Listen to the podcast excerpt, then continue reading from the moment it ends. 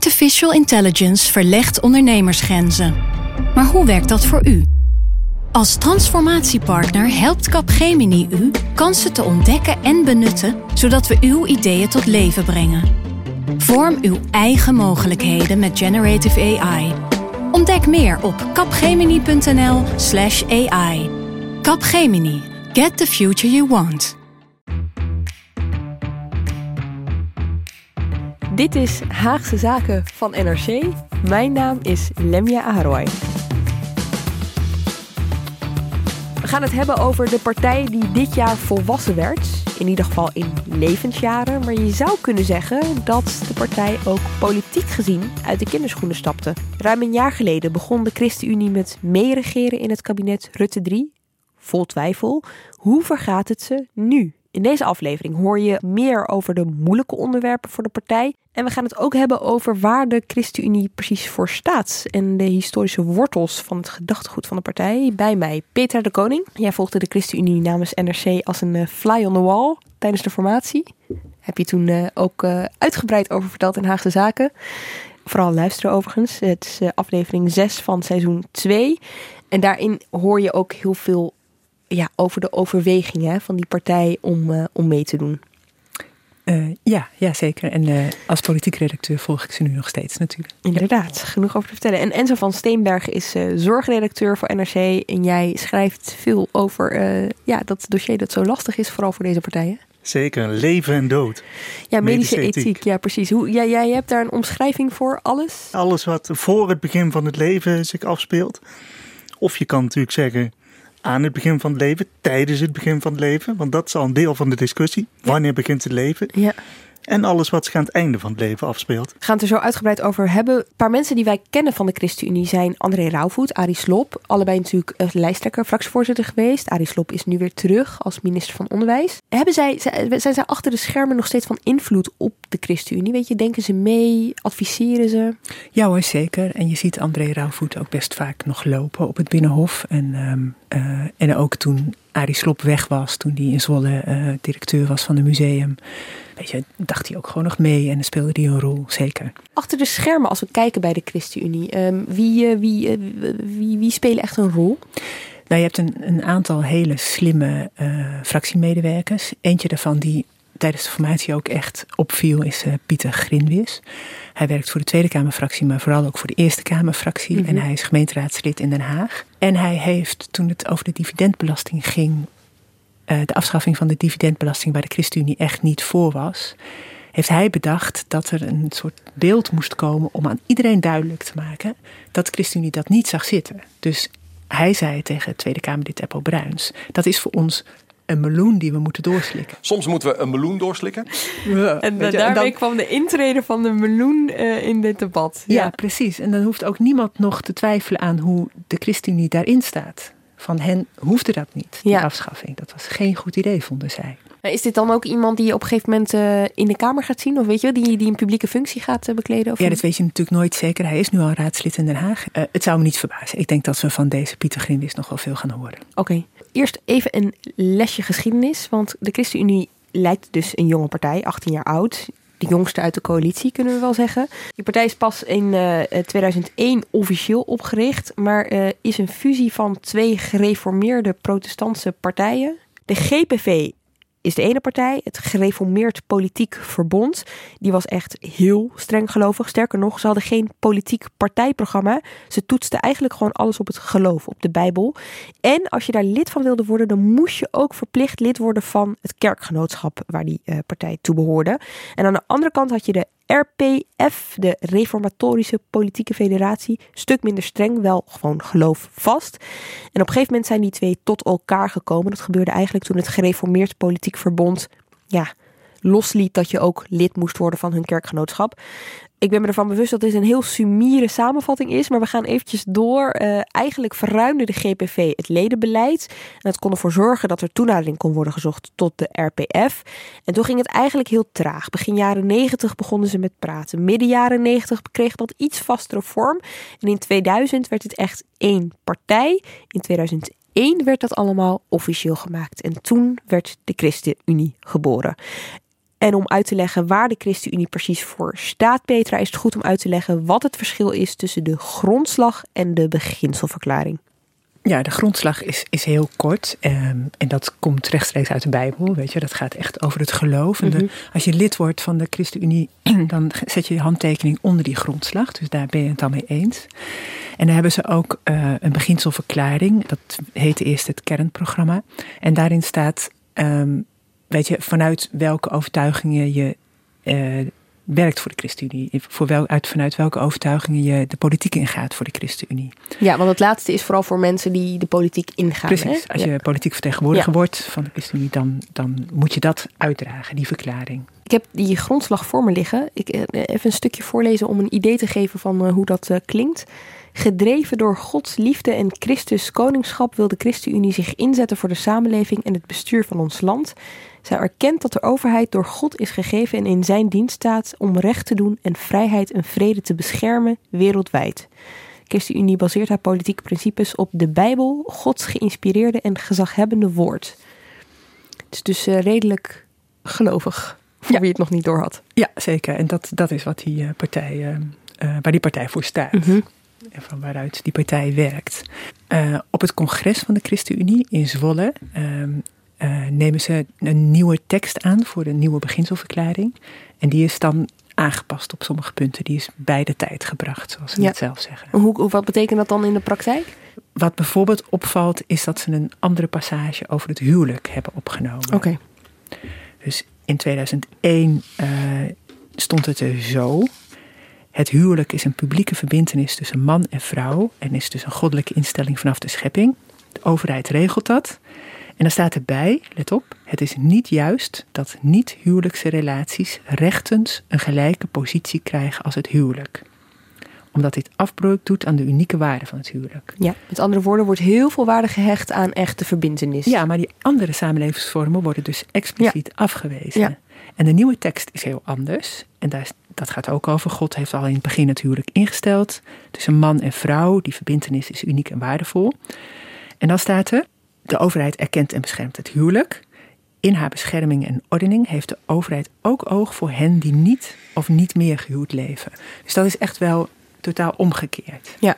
Wat zegt dit? Ehm, dat de partij meeverandert met, met de tijd voor een deel. Ja. Eh, wat wel zo is, dat het nog steeds tussen man en vrouw is. Ja, weet je? Dan, en als je daarover rondvraagt, zeggen ze ja, eh, zo heeft volgens ons God het bedoeld. We zijn geen anti-homo-partij, zo staan we wel vaak bekend. Uh, maar als je het over een openbaar, uh, um, nu moet ik het even goed zeggen, een openbaar uh, instituut hebt als het huwelijk, dan geloof ik wel dat het iets uiteindelijk is tussen, tussen man en vrouw. Uh, dus ja, wel homohuwelijk uh, terugdraaien. Wat wel bijzonder is, is dat op het congres een amendement in stemming wordt gebracht. Dat is vandaag trouwens. Ja, om dat um, man en vrouw eruit te halen. Dus het dan over het huwelijk te hebben. Dus dan kan het ook over mannen met mannen en vrouwen met vrouwen gaan. Uh, maar dat amendement wordt afgeraden door het partijbestuur. Dus de kans lijkt me vrij klein dat dat wordt aangenomen. Ja, maar Want te, te, te gevoelig. Ja, ja, te gevoelig. Ja, dat, Dit daar... is, is natuurlijk al best wel een verschil. Het is een groot dus, verschil. Dus gescheiden ja. mensen ja. uh, worden expliciet benoemd als kom erbij.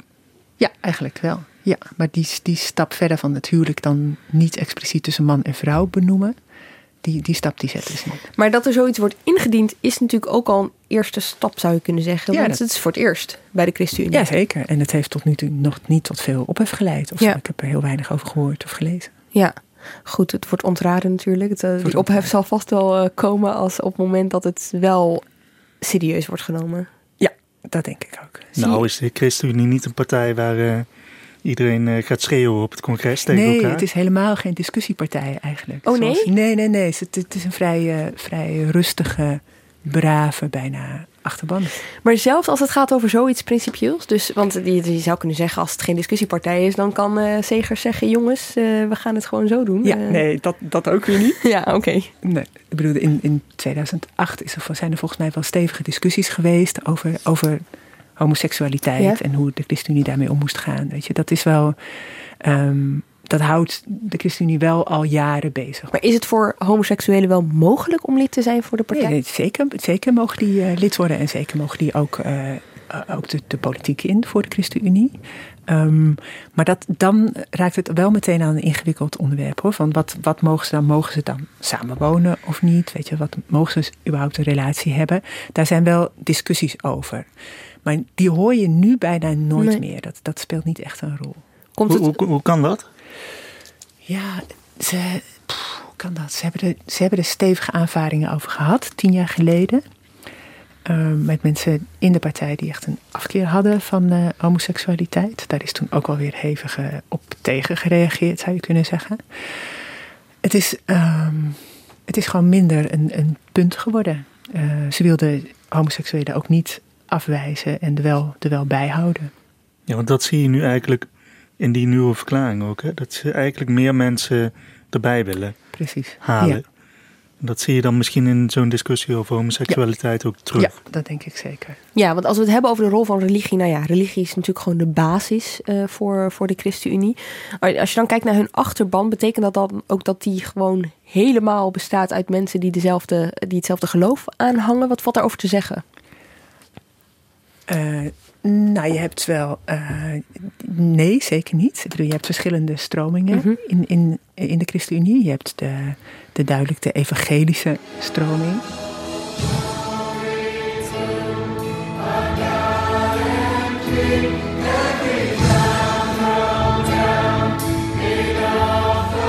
Wat, uh, wat is dit, Peter? Ja, dit is een uh, opwekkingslied. Uh, dat, dat vind je vooral terug in de evangelische gemeentes. Dus de Pinkstergemeente en zo. Dat is wat, ja, dat is eigenlijk een soort van popliedje. Was dit bij de ChristenUnie?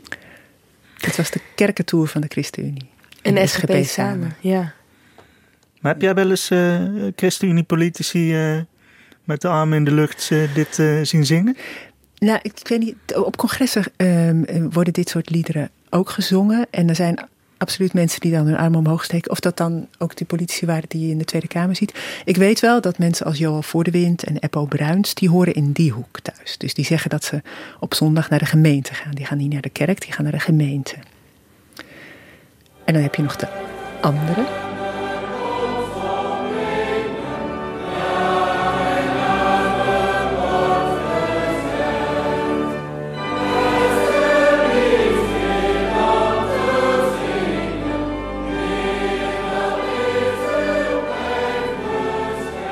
Wat je nu hoort is een gezang. Uh, en dat, die zingen ze ook op uh, uh, congressen van de ChristenUnie. Die, die zingen je in de kerk, psalmen of gezangen. Dat is meer wat, wat ouderwets. Zo wordt dat gezien. Dus met andere woorden, je hoort, je hoort die twee ja. stromingen ook echt terug op die congressen. Ja, dat hoor je op die congressen, want ze wisselen het een beetje af. Weet je, dan weer eens een opwekkingslied en dan weer eens een, een gezang.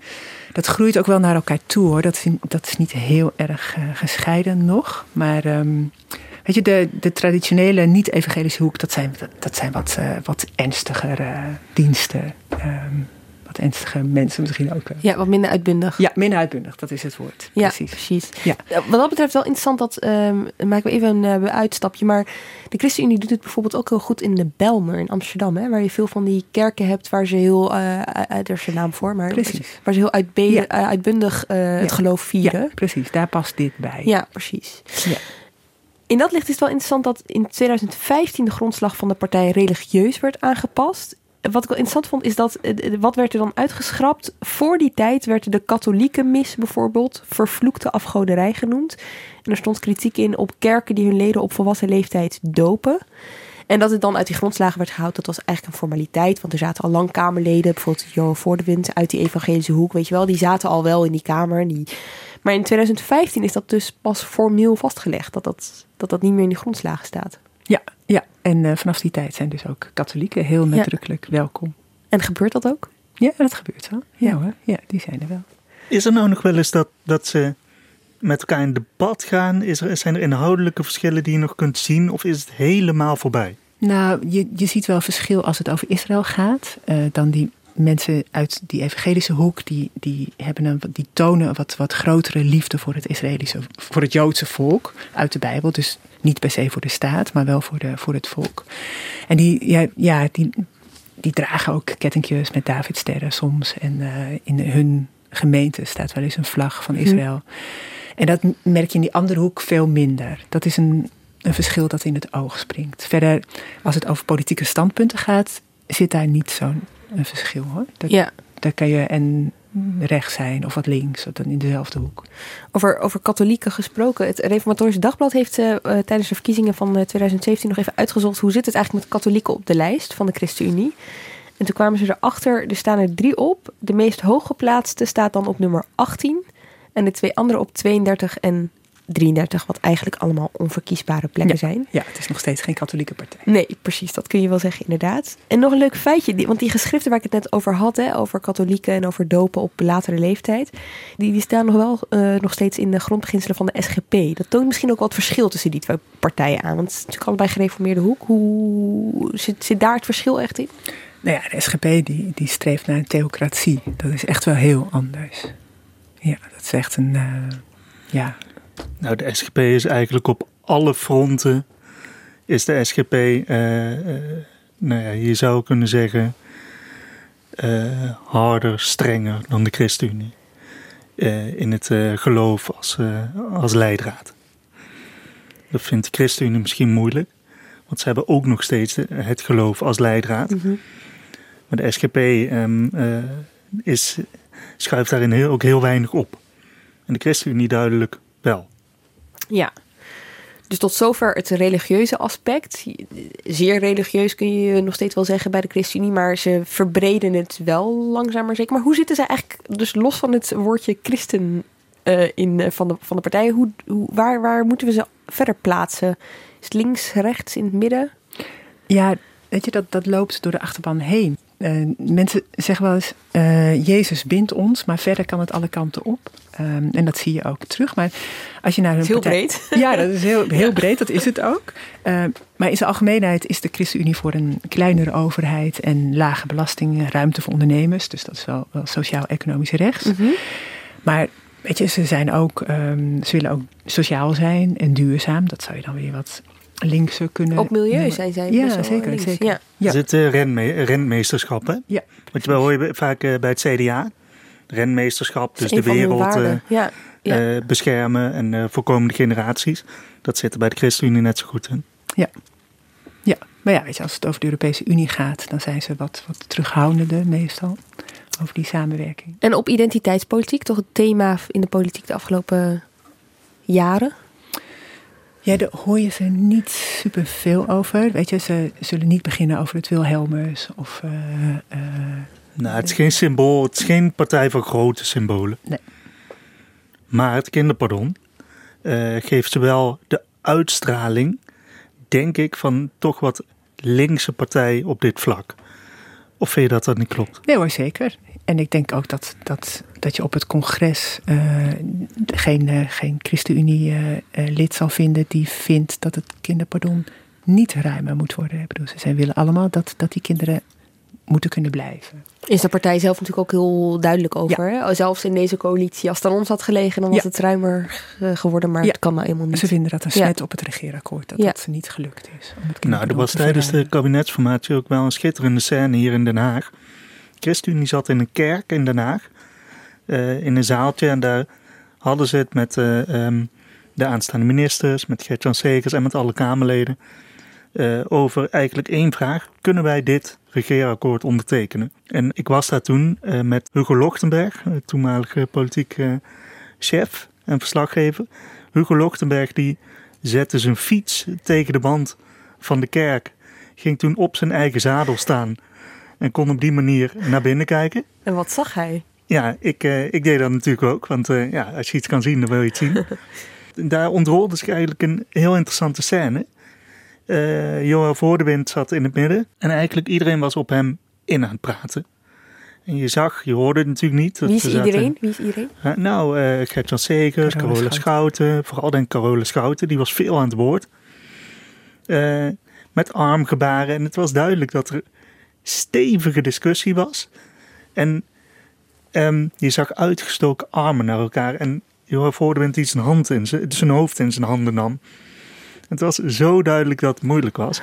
Ja, en dat was echt niet de eerste discussie die ze op die manier hadden. Want Nee. voor mijn verhaal toen over de ChristenUnie en de kabinetsformatie heb ik dat ook meegemaakt. Weet je, dat ze zo tegenover elkaar zaten. Het was heel moeilijk voor De ze. hele tijd over het kinderpardon. Ja. En ze hebben gewoon uiteindelijk moeten zeggen: ehm, het lukt niet. Maar wat interessant is bij deze partij, is dat ze dat dan ook op die manier communiceren aan hun achterban. Dus dat ze ook gewoon eerlijk zeggen: het lukt niet. We willen het heel graag, maar het lukt niet. Dat is een beetje een soort van kernboodschap die, eh, die ze wat dat betreft steeds herhalen. En het komt ook aan bij hun achterban. In de zin van als je, als je spreekt met kiezers. Ik was in Bunschoten Spakenburg toch wel een ChristenUnie-bolwerk een tijdje geleden. Dan is dit echt een van de pijnpunten voor ze. Want de ChristenUnie regeert nu natuurlijk. En het is ze niet gelukt om dat kinderpardon te verruimen. We hebben de zaak Lili en Hoek gehad. Hè? Waarin het allemaal weer pijnlijk duidelijk werd dat ze er ook echt niks aan kunnen veranderen. En dan zeggen die kiezers ook van ja, het doet heel erg pijn. Maar ja, zo werkt politiek nou eenmaal. Of weet je wel, eh, wij kunnen er als kleine partij weinig aan veranderen. Het valt me op dat ze zich. Ja, dat, dat, dat daar niet het nijd zit dat soms bij andere kiezers van andere partijen wel zit op principiële punten. Nee, je kunt je afvragen of het niet heel anders was geweest als het over medische ethiek was gegaan. Als ze daar niet hadden binnengehaald wat ze Ja. hebben binnengehaald. Ehm, of het dan net zo ontspannen op was gereageerd door hun achterban hoor. Dat denk ik eigenlijk niet. Nee, dat denk ik ook niet. Maar ik vind het wel. Het is bijna een anti-Haakse reflex om te zeggen dat iets je niet lukt. Ja. Het wemelt hier in de Tweede Kamer van PR-adviseurs. die altijd alles met goud omlijsten. Ja. Maar ja, zo werkt het niet. Ja. En eh Als Gert-Jan Segers ja. durft dat te zeggen. En blijkbaar komt dat goed aan. Mensen kunnen best een stootje hebben. Ja. Ja. Eh, en, en, en waarderen het zelfs. Ja, want in de peilingen staan ze er heel goed voor. Eigenlijk als Ja. enige regeringspartij eh stijgen ze in de peilingen. Terug naar identiteit, want daar begon dit eh, mee. Ehm, wat mij wel opvalt is dat eh Segers op een andere manier wel grenzen aangeeft. Om maar even in de thematiek te blijven. Eh, er stond natuurlijk in Elsevier een week geleden, waarin hij waarschuwde voor een tweede multiculturele drama. En dat ging dan over vooral Poolse mensen die hier komen werken. En dat die dan niet integreren, de taal niet leren. En dat daardoor het zeg maar, doembeeld van Paul Scheffer nog een keer zou gaan gebeuren. En dat is toch wel interessant, want daar geeft hij. Dus helemaal links zou ik hem wat dat betreft niet plaatsen. het is wel een cultureel conservatieve partij. Ja. Bedoel, uit het kieskompas blijkt dat volgens mij ook. Dat je dan daarop uitkomt. Ja. Over het kieskompas eh, gesproken, want we hebben het nu gehad over waar ze staan hè, en eh, waar ze ook religieus staan. Zij willen natuurlijk wel een wat bredere partij worden. Hè. Ze willen meer mensen aanspreken. Daar hebben ze zelf ook eh, heel handig op ingespeeld tijdens de Tweede Kamerverkiezingen van 2017. Dat, je, veel mensen vullen dan natuurlijk zo'n stemwijzer in hè, om eh, te kijken welke richting ze op moeten denken. En op de website van de ChristenUnie stond in die periode een tekstje op de homepage.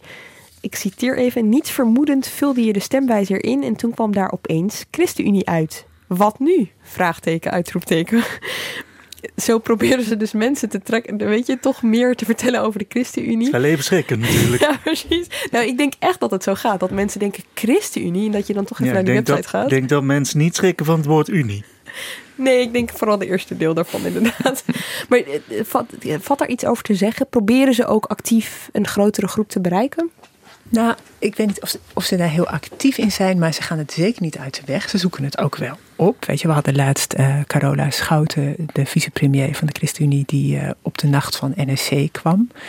En zich daar liet interviewen door eh, Koen Verbraak. Weet je dat. En dan merk je ook dat haar verhaal over hoe ze opgroeide op de boerderij, over de, het overlijden van haar vader, en Ja. dat, dat, dat dat echt aankomt bij de NSC-lezers. En dat ze onder de indruk waren van hoe ze dat deed en zo. Ze kregen enorm veel complimentjes. Terwijl het voor haar niet een vanzelfsprekend publiek Het is niet haar achterban, dus Ja. ze hoeft daar waarschijnlijk geen kiezers te gaan ophalen. Ja. Nou, je, kan, je ziet dus bij eh, Carola Schouten dat ze inderdaad in dit publiek, eh, eh, het NRC-publiek, haar verhaal komt doen. Hetzelfde geldt een beetje voor eh, Carla Dick Faber, eh, die een interview wilde geven over medische ethiek. En je zou denken Nederlands Dagblad, Eh, maar ze eh, doen het bij ons. En daar zijn ze zelf ook een beetje gespannen over. Hè, dan is er een voorlichter die zegt, ja, gevoelig onderwerp. En nog wel bij de NRC. Ja. ja. Leg even die lading uit. Leg even uit waarom dat zo ingewikkeld voor ze is.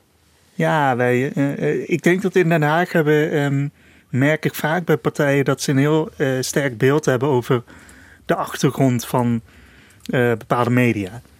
Hè, dus wij zijn een liberale krant, geen gelovige eh, lezersgroep over het algemeen. En dat speelt sterk in de hoofden van voorlichters, van PR-adviseurs. Zo wordt er ook geselecteerd. Dus ehm, nou, een bepaald plan over eh, eh, zeg VVD wil minder files. Telegraaf. Ja, precies, ja. Of het AD. Ja. En zo, dat is ook logisch, hè? want je wil je eigen achterban zoveel mogelijk aanspreken.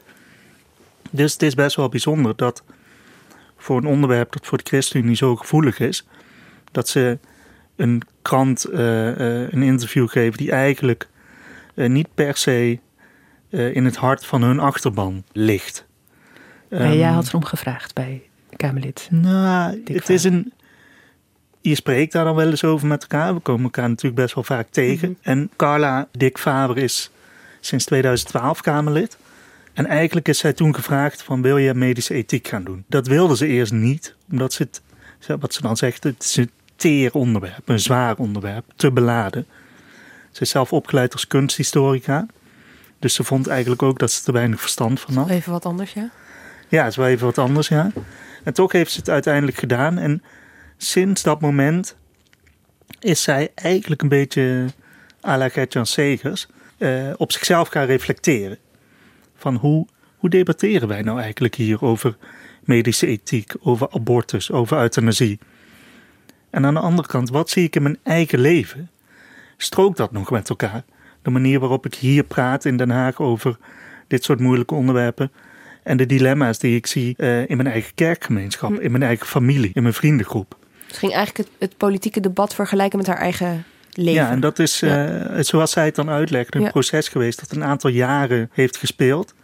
En waarvan ze eigenlijk nu wel eens wilde vertellen hoe ze dat heeft eh, beleefd. Ja, en dat heeft ze gedaan, want vandaag staat dat interview met haar in de krant. Ja. Ehm, hoe ging dat gesprek? Want het, het- eigenlijk zijn twee gesprekken geweest. Hè? Jullie hebben het elkaar twee keer gesproken. Ja. ja, we hebben elkaar eerst een aantal weken geleden al in, in Utrecht gesproken. In een, eh, in een café. En dat was wel grappig. eh, Carla Faber heeft gestudeerd in Utrecht. Dus ze voelt zich daar thuis. En Mhm. eh, het is altijd fijn voor zo'n gesprek. Ze had die nacht daarvoor wel een heel lang debat gehad. Eh, ze heeft überhaupt een extreem drukke agenda. Wat je vaak ziet bij Kamerleden van kleine partijen. We hadden dus afgesproken van nou, we gaan hierover praten, we gaan het publiceren. En tijdens het interview was ze nog bijna aan het twijfelen. Doe ik er wel goed aan om dit verhaal te vertellen? Is het wel goed om te laten zien dat ik soms twijfel? Sprak ze dat hardop uit? Ja, dat heeft ze echt een paar keer gezegd. Dan begon ze een zin en dan stopte ze even en dan zei ze... Ik weet niet of ik dit zo moet vertellen. Het is eigenlijk raar voor een politicus, hè? Vroeg ze dan. En dat komt omdat ze dus een soort kwetsbaarheid wilde tonen. Dus ze wilde laten zien dat ze niet altijd blij was met de manier waarop in Den Haag over medische ethiek wordt gepraat. Dat ze niet altijd blij was met de harde toon die eh, zij zelf ook eh, tegen bijvoorbeeld D66 heeft geuit. En dat is natuurlijk iets wat hier heel bijzonder is. Ja. Dat je gaat nadenken en dat je over jezelf denkt van ja, doen we dit wel goed? Maar die twijfel die ze dan had, weet je wel, dus als ze stopt met zo'n zin en ze, heeft het over, ja, moet ik dit wel zo zeggen? Of waar, eh, eh, waar ligt dat dan aan? Ligt dat dan aan haar eigen achterban? Ligt dat aan haar partij? Ligt dat aan, weet je, waar ligt het aan dat ze eraan twijfelt? Eh, ik denk van alles een beetje. Kijk, haar verhaal is, we moeten beter naar elkaar luisteren. Dus zij zegt ook van, nou ja, weet je, we krijgen nu eenmaal te maken met moeilijke medisch-ethische afwegingen. Je hebt bijvoorbeeld technieken waarmee je het DNA van embryo's zou kunnen veranderen. Eh, en dat is voor de ChristenUnie heel moeilijk. Eh, maar Carla Dick Faber zegt wel, we moeten daar wel over gaan praten. Ook in de kerk. Want Nou, zijn... vooral dat laatste is natuurlijk opvallend, want we moeten erover praten is in principe niet op, op zich wel logisch, maar dat nou, de- logisch. Je, je kan, wat vaak gebeurt bij zulke onderwerpen, is dat D66 roept: die techniek moeten we hebben. Dat de ChristenUnie roept: geen sprake van. Eh, nou, klaar gesprek. Oh ja, dus dat zal Dat in kampen zitten. Ja, oké, op die manier. Dus zelfs dat is al best opmerkelijk. Eh, maar inderdaad, eh, wat, zij, wat zij eigenlijk zegt: van ja, je, dat, ze vond dat zelf ook te makkelijk. Om alleen op die manier te zeggen: we moeten praten. Dus haar antwoord hierop begint eigenlijk in eigen kring. Dus ze zegt van nou ja, we moeten moeilijke vragen niet uit de weg. We moeten zorgen dat we in de kerk debatten organiseren over abortus, over geboortetechnieken, om het even kort door de bocht te noemen. En ehm, nu is er laatst zo'n debat geweest, eh, eh, van het Wetenschappelijk Instituut van de ChristenUnie. En in die zaal stond dus een meneer op en die zei: Ja, in mijn familie komt een erfelijke vorm van de spierziekte ALS voor. Mhm. Nou, dat is echt een heel ernstige eh, ziekte. Dat is voor, zo, voor een politicus natuurlijk best wel moeilijk, hè? Om zo'n persoonlijk verhaal eh, om te buigen tot politiek standpunt. Ja. Want voor Carla Dick gold bijvoorbeeld, iemand uit haar kerkgemeenschap is overleden aan ALS. Eh, haar hulp in de huishouding heeft ALS. Tegelijkertijd is zij eh, tegen het beïnvloeden van DNA bijvoorbeeld. Ehm, in de toekomst hè, gaat dit. Dit is allemaal nog in de wetenschap. Maar zij moet zo iemand dus wel gaan uitleggen van nou ja, dit- voor de ChristenUnie is dit wel moeilijk. Ik kan me heel goed voorstellen dat u graag zou willen dat u ALS zou voorkomen in uw familie. Maar wij staan, eh, onze partijlijn is, is dit. Maar dat, het lijkt me een hele ingewikkelde situatie, omdat je eigenlijk het echte leven haalt je overtuigingen in. Om het even zo te zeggen. Haalt, haalt je overtuiging in, dat denk ik niet. Zij veranderen niet zomaar hun overtuigingen. Maar wat zij, en daar is ook een beetje het antwoord op je vraag, waarom vond zij dit een moeilijk gesprek? Omdat ze dus op die manier heel erg haar kwetsbaarheid toonde. Mhm. Omdat ze voorbeelden ging geven uit haar eigen leven, waardoor ze is gaan nadenken. Het is niet zo dat ze meteen door overtuigingen heel erg laat beïnvloeden. Of dat de ChristenUnie nu ineens anders gaat stemmen over medisch-ethische Nee, onderwerpen. maar dat gaat natuurlijk nooit in één keer. Maar je gaat wel de deur openzetten in ieder geval om erover te praten. Dat is, daar begint het mee natuurlijk. Ja, ja, en zeker dus op de dag van het eh, congres Ja. vandaag. Als iedereen daar samenkomt, dan eh, is het best wel bijzonder als zij dit zegt. Want het zal daarover gaan. Maar het zijn sowieso processen die je zelden ziet bij politieke partijen hoor. Dat iemand zo openlijk aan het nadenken is over moet ik, moet ik dit vinden als dat en dat ook mogelijk is. Wat is haar belang erbij om dit in NRC te zeggen? Nou, ik denk... Of ehm, los van NRC, om dit voor de bühne, weet je, om dit hardop uit te spreken. Je kan ook gewoon in je eigen partij zeggen, jongens, we moeten het hierover hebben. En dan het, weet je, in zaaltjes gaan afhandelen. Je stelt je nu ook kwetsbaar op naar de buitenwereld toe. Ja, dat is waar. Maar dat is dus ook voor een deel de bedoeling. Ja. Eh, want je wil ook aan een breed publiek laten weten van weet je, wij luisteren naar iedereen. Dus dat is één belang. Het tweede belang is dat zij denk ik echt hier een heel lang over heeft nagedacht. En dat ze echt een keer wilde laten zien van nou, het is in de politiek niet alleen maar haat en nijd. Eh, ik probeer echt mee te denken. Ik probeer echt niet alleen maar met gekleurde oren te luisteren. Een derde belang zou kunnen liggen, maar ik ben ook wel benieuwd wat Petra erover denkt. In eh, een zoektocht misschien naar een breder publiek. Eh zij zijn natuurlijk stabiel qua zetelaantal, Mhm. de ChristenUnie.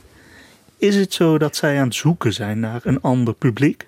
Nou, als dat zo is, zullen ze dat denk ik heel voorzichtig doen. Dan zullen ze, weet je, ze zullen hun trouwe achterban niet willen vervreemden. Ik denk dat bij dit, hè, bij, van Carla Dick Faber nog, ook nog meespeelt misschien dat ze in de kabinetsformatie natuurlijk zo duidelijk werden afgezet tegen D66. Hè?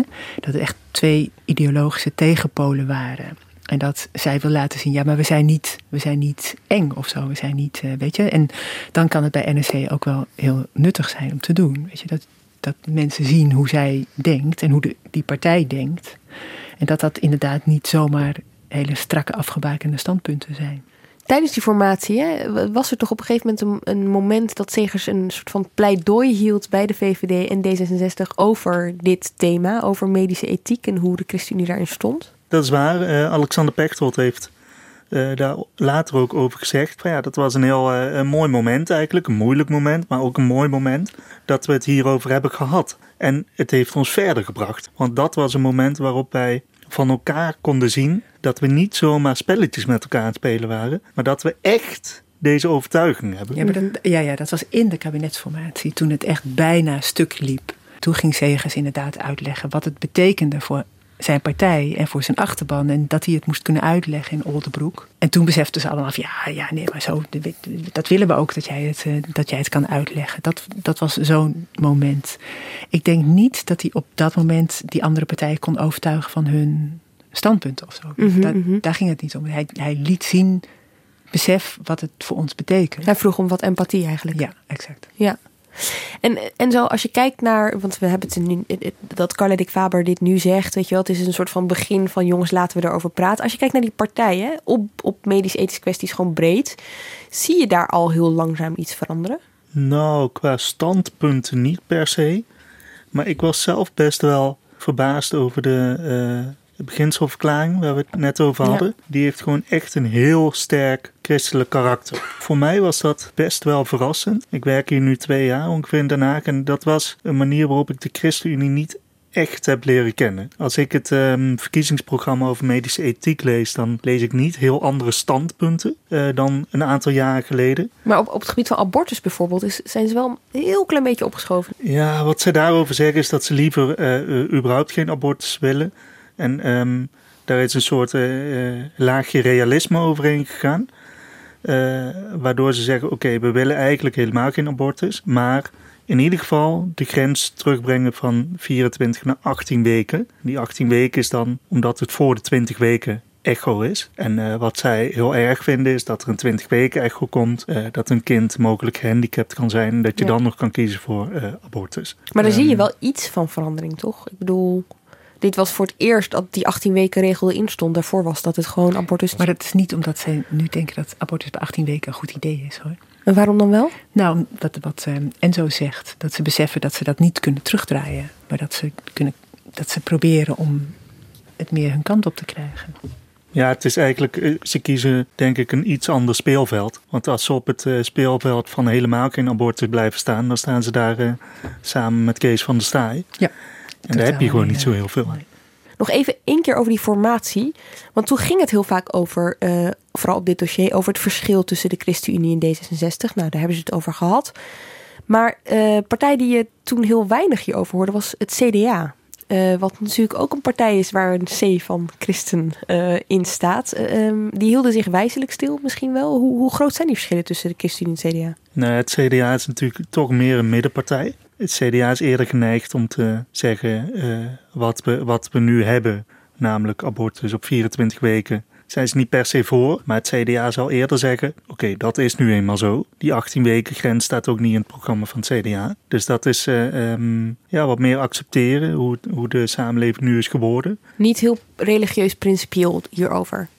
Nou, toch wat minder. En, en, en dat zie je dus ook in de manier waarop ze wel of niet, en dan eigenlijk niet, op de trom slaan hierover. Liever laten ze dat de ChristenUnie doen. En komt dat de ChristenUnie dan eigenlijk goed uit, ergens ook? Ergens wel, want je, kan, je krijgt natuurlijk de kans dat je, om je standpunten naar voren te ja. brengen, om je te profileren. Aan de andere kant ook niet. En dat zie je dus ook in wat uh, Carla Dick Faber zegt. Zij worden altijd afgezet tegen D66. Ja, dat is een mooie scène die je beschrijft in dat interview. Dat als het er op radio of televisie over gaat, dat ze dan haar bellen voor het tegengeluid, toch? Ja, dus dan, dan uh, uh, komt er een televisieprogramma en die maken een uitzending over uh, hoe kunnen we DNA van embryo's aanpassen ja. in de toekomst. En dan komt er eerst een moeder in beeld die vertelt van nou, ik, wil, ik heb een erfelijke ziekte en die wil ik niet doorgeven. Dan komt er een arts in beeld en die zegt nou, de techniek om te voorkomen, die is er al bijna. Dan komt er een wetenschapper in beeld die zegt ik wil door met mijn onderzoek. En dan mag Carla Dick Faber, zoals ze het zelf zegt, de tut van de ChristenUnie komen spelen met het geheven vingertje. Nou, daar bedankt ze dus voor. Oké, okay, dus Carla Dick Faber wil hier nu uh, werk van gaan maken, wil hier nu het gesprek over aangaan. Peter, ik wil even kijken naar hoe het verder is met de ChristenUnie in deze coalitie. Want um, goed, uh, jij hebt ze gevolgd tijdens die formatie. Je hebt heel goed toen in beeld gekregen waar ze bang voor waren. Kun je, kun je nog kort opnoemen waar ze toen bang voor waren? Uh, nou ja, ze moesten heel erg wennen aan het, aan het vrij harde politieke spel, mm -hmm. waarin ze uh, in die formatie ook verzeild raakten. Uh, dus da daar moesten ze mee leren omgaan. Ze kregen enorm veel aandacht van de media. Daar moesten ze, daar moesten ze duidelijk aan wennen. Weet je, en ze moesten ook um, opkomen voor wat, wat, zij wilden, wat zij wilden bereiken. Weet ja. je? Want dat, dat veiligstellen als kleinste uh, coalitiepartij is dat ook niet simpel. Ja, we zijn nu uh, ruim een jaar verder.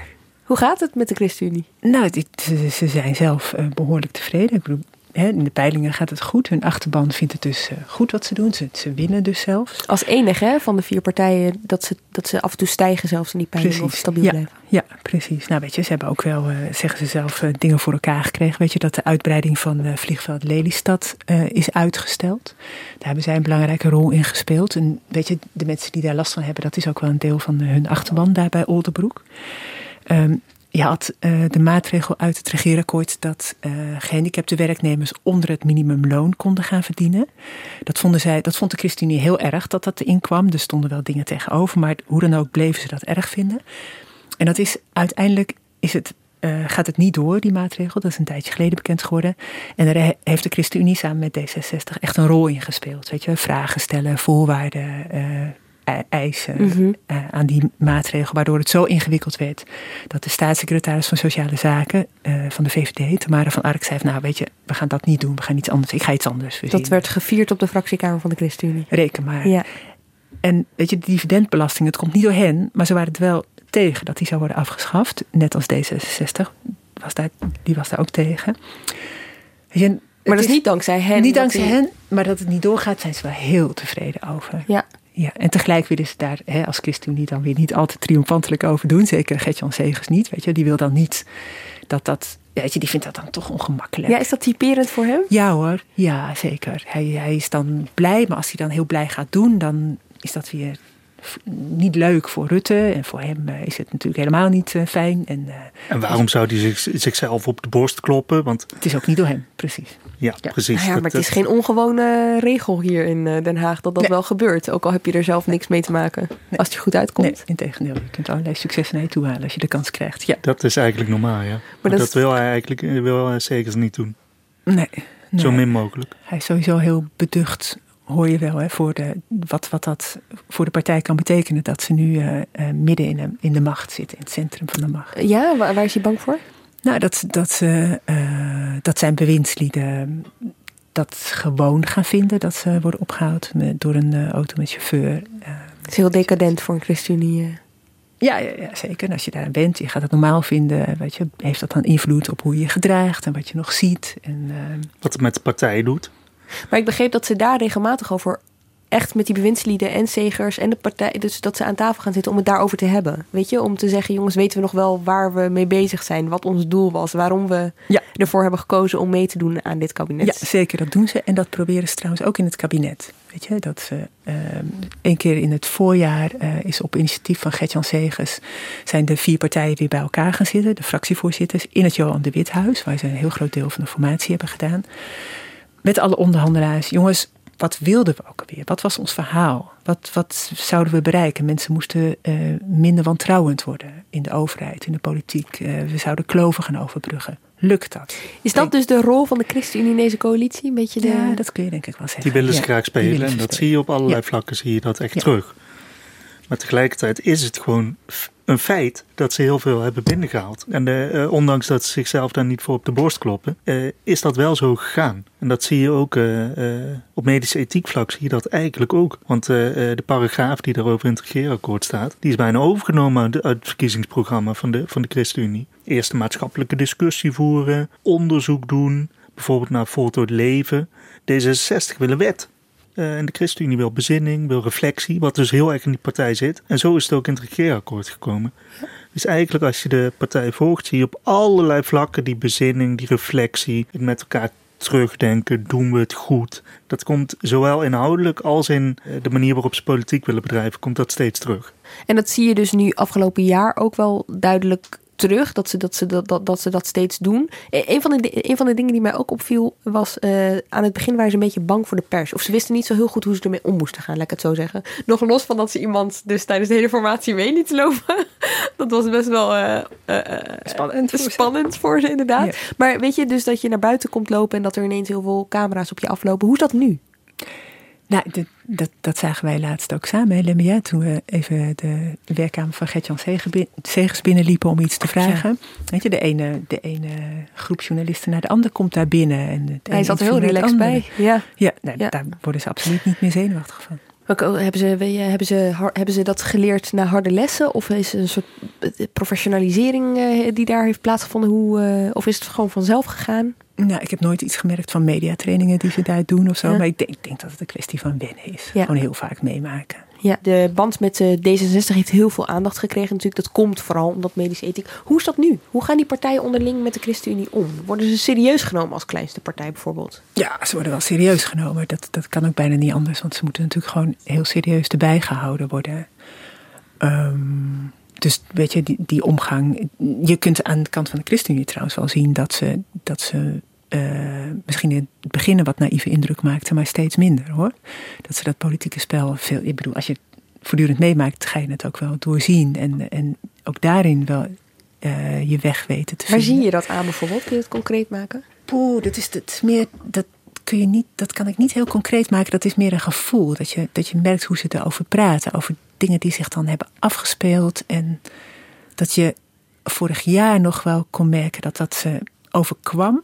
En dat ze het nu zien gebeuren. Ah, kijk, daar zit al een Ja. verschil. Tijdens die kabinetsformatie heeft ook, denk ik, D66 op een aantal momenten eh, echt wel geprobeerd om de ChristenUnie een beetje dat imago toe te schuiven van naïeve partij. Eh, echt soms overvallen, ineens eh, camera's uitnodigen tijdens een etentje. Ja. Eh, met de Pechtold de Zekers, best een, beroemd moment geworden. En daar konden ze dan zich echt overvallen door voelen. Dat zou denk ik nu eh, minder snel gebeuren. Maar het is niet zo dat ze zelf zulke dingen gaan Nee. doen. Nee, dat heb ik ook niet gezien het afgelopen jaar. Nee.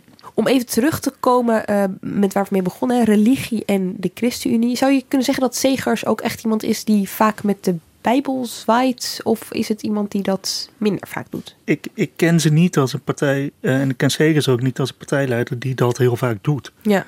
Eh, dat zal denk ik vroeger meer zijn geweest. Ehm, misschien hebben ze andere uitgangspunten waar ze meer de nadruk op leggen. Hoe zie jij dat, Petra?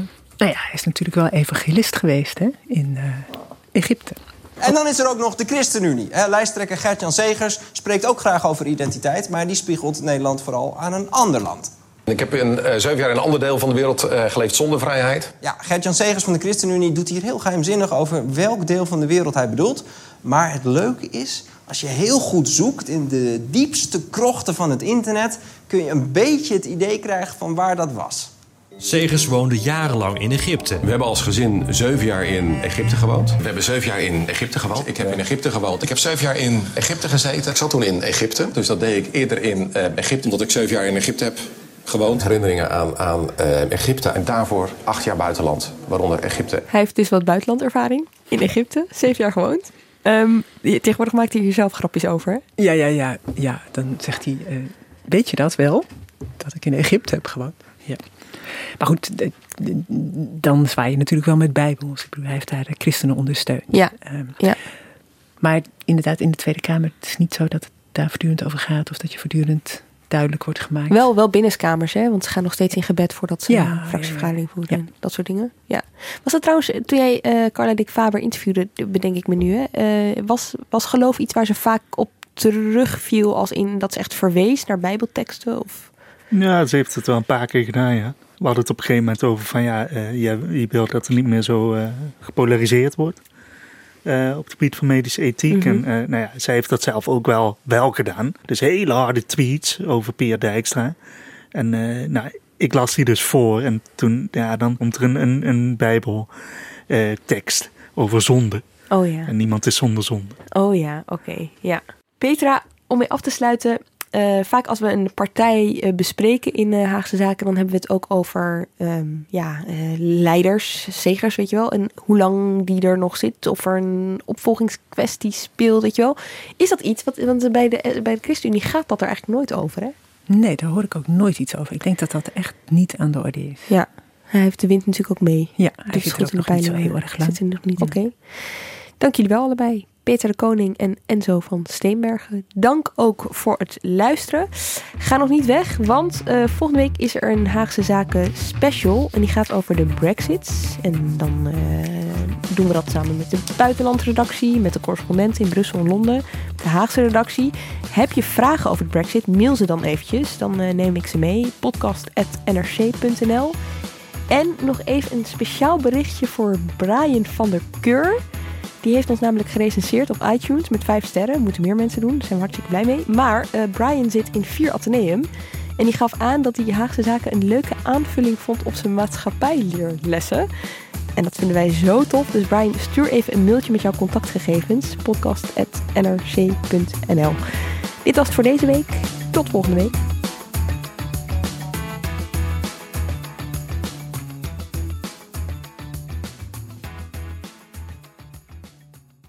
Je hebt aardig wat vermogen opgebouwd. En daar zit je dan, met je ton op de bank. Wel een beetje saai, hè? Wil jij, als belegger, onderdeel zijn van het verleden of van de toekomst? Bridgefund is een slimme fintech die een brug slaat tussen de financiële behoeften van ondernemers en van beleggers. Dus wie belegt bij Bridgefund krijgt niet alleen een mooie vaste rente, maar brengt ook ondernemers in beweging. Echt waar. Met die ton kan je zoveel betere dingen doen. Bridgefund. Make money smile.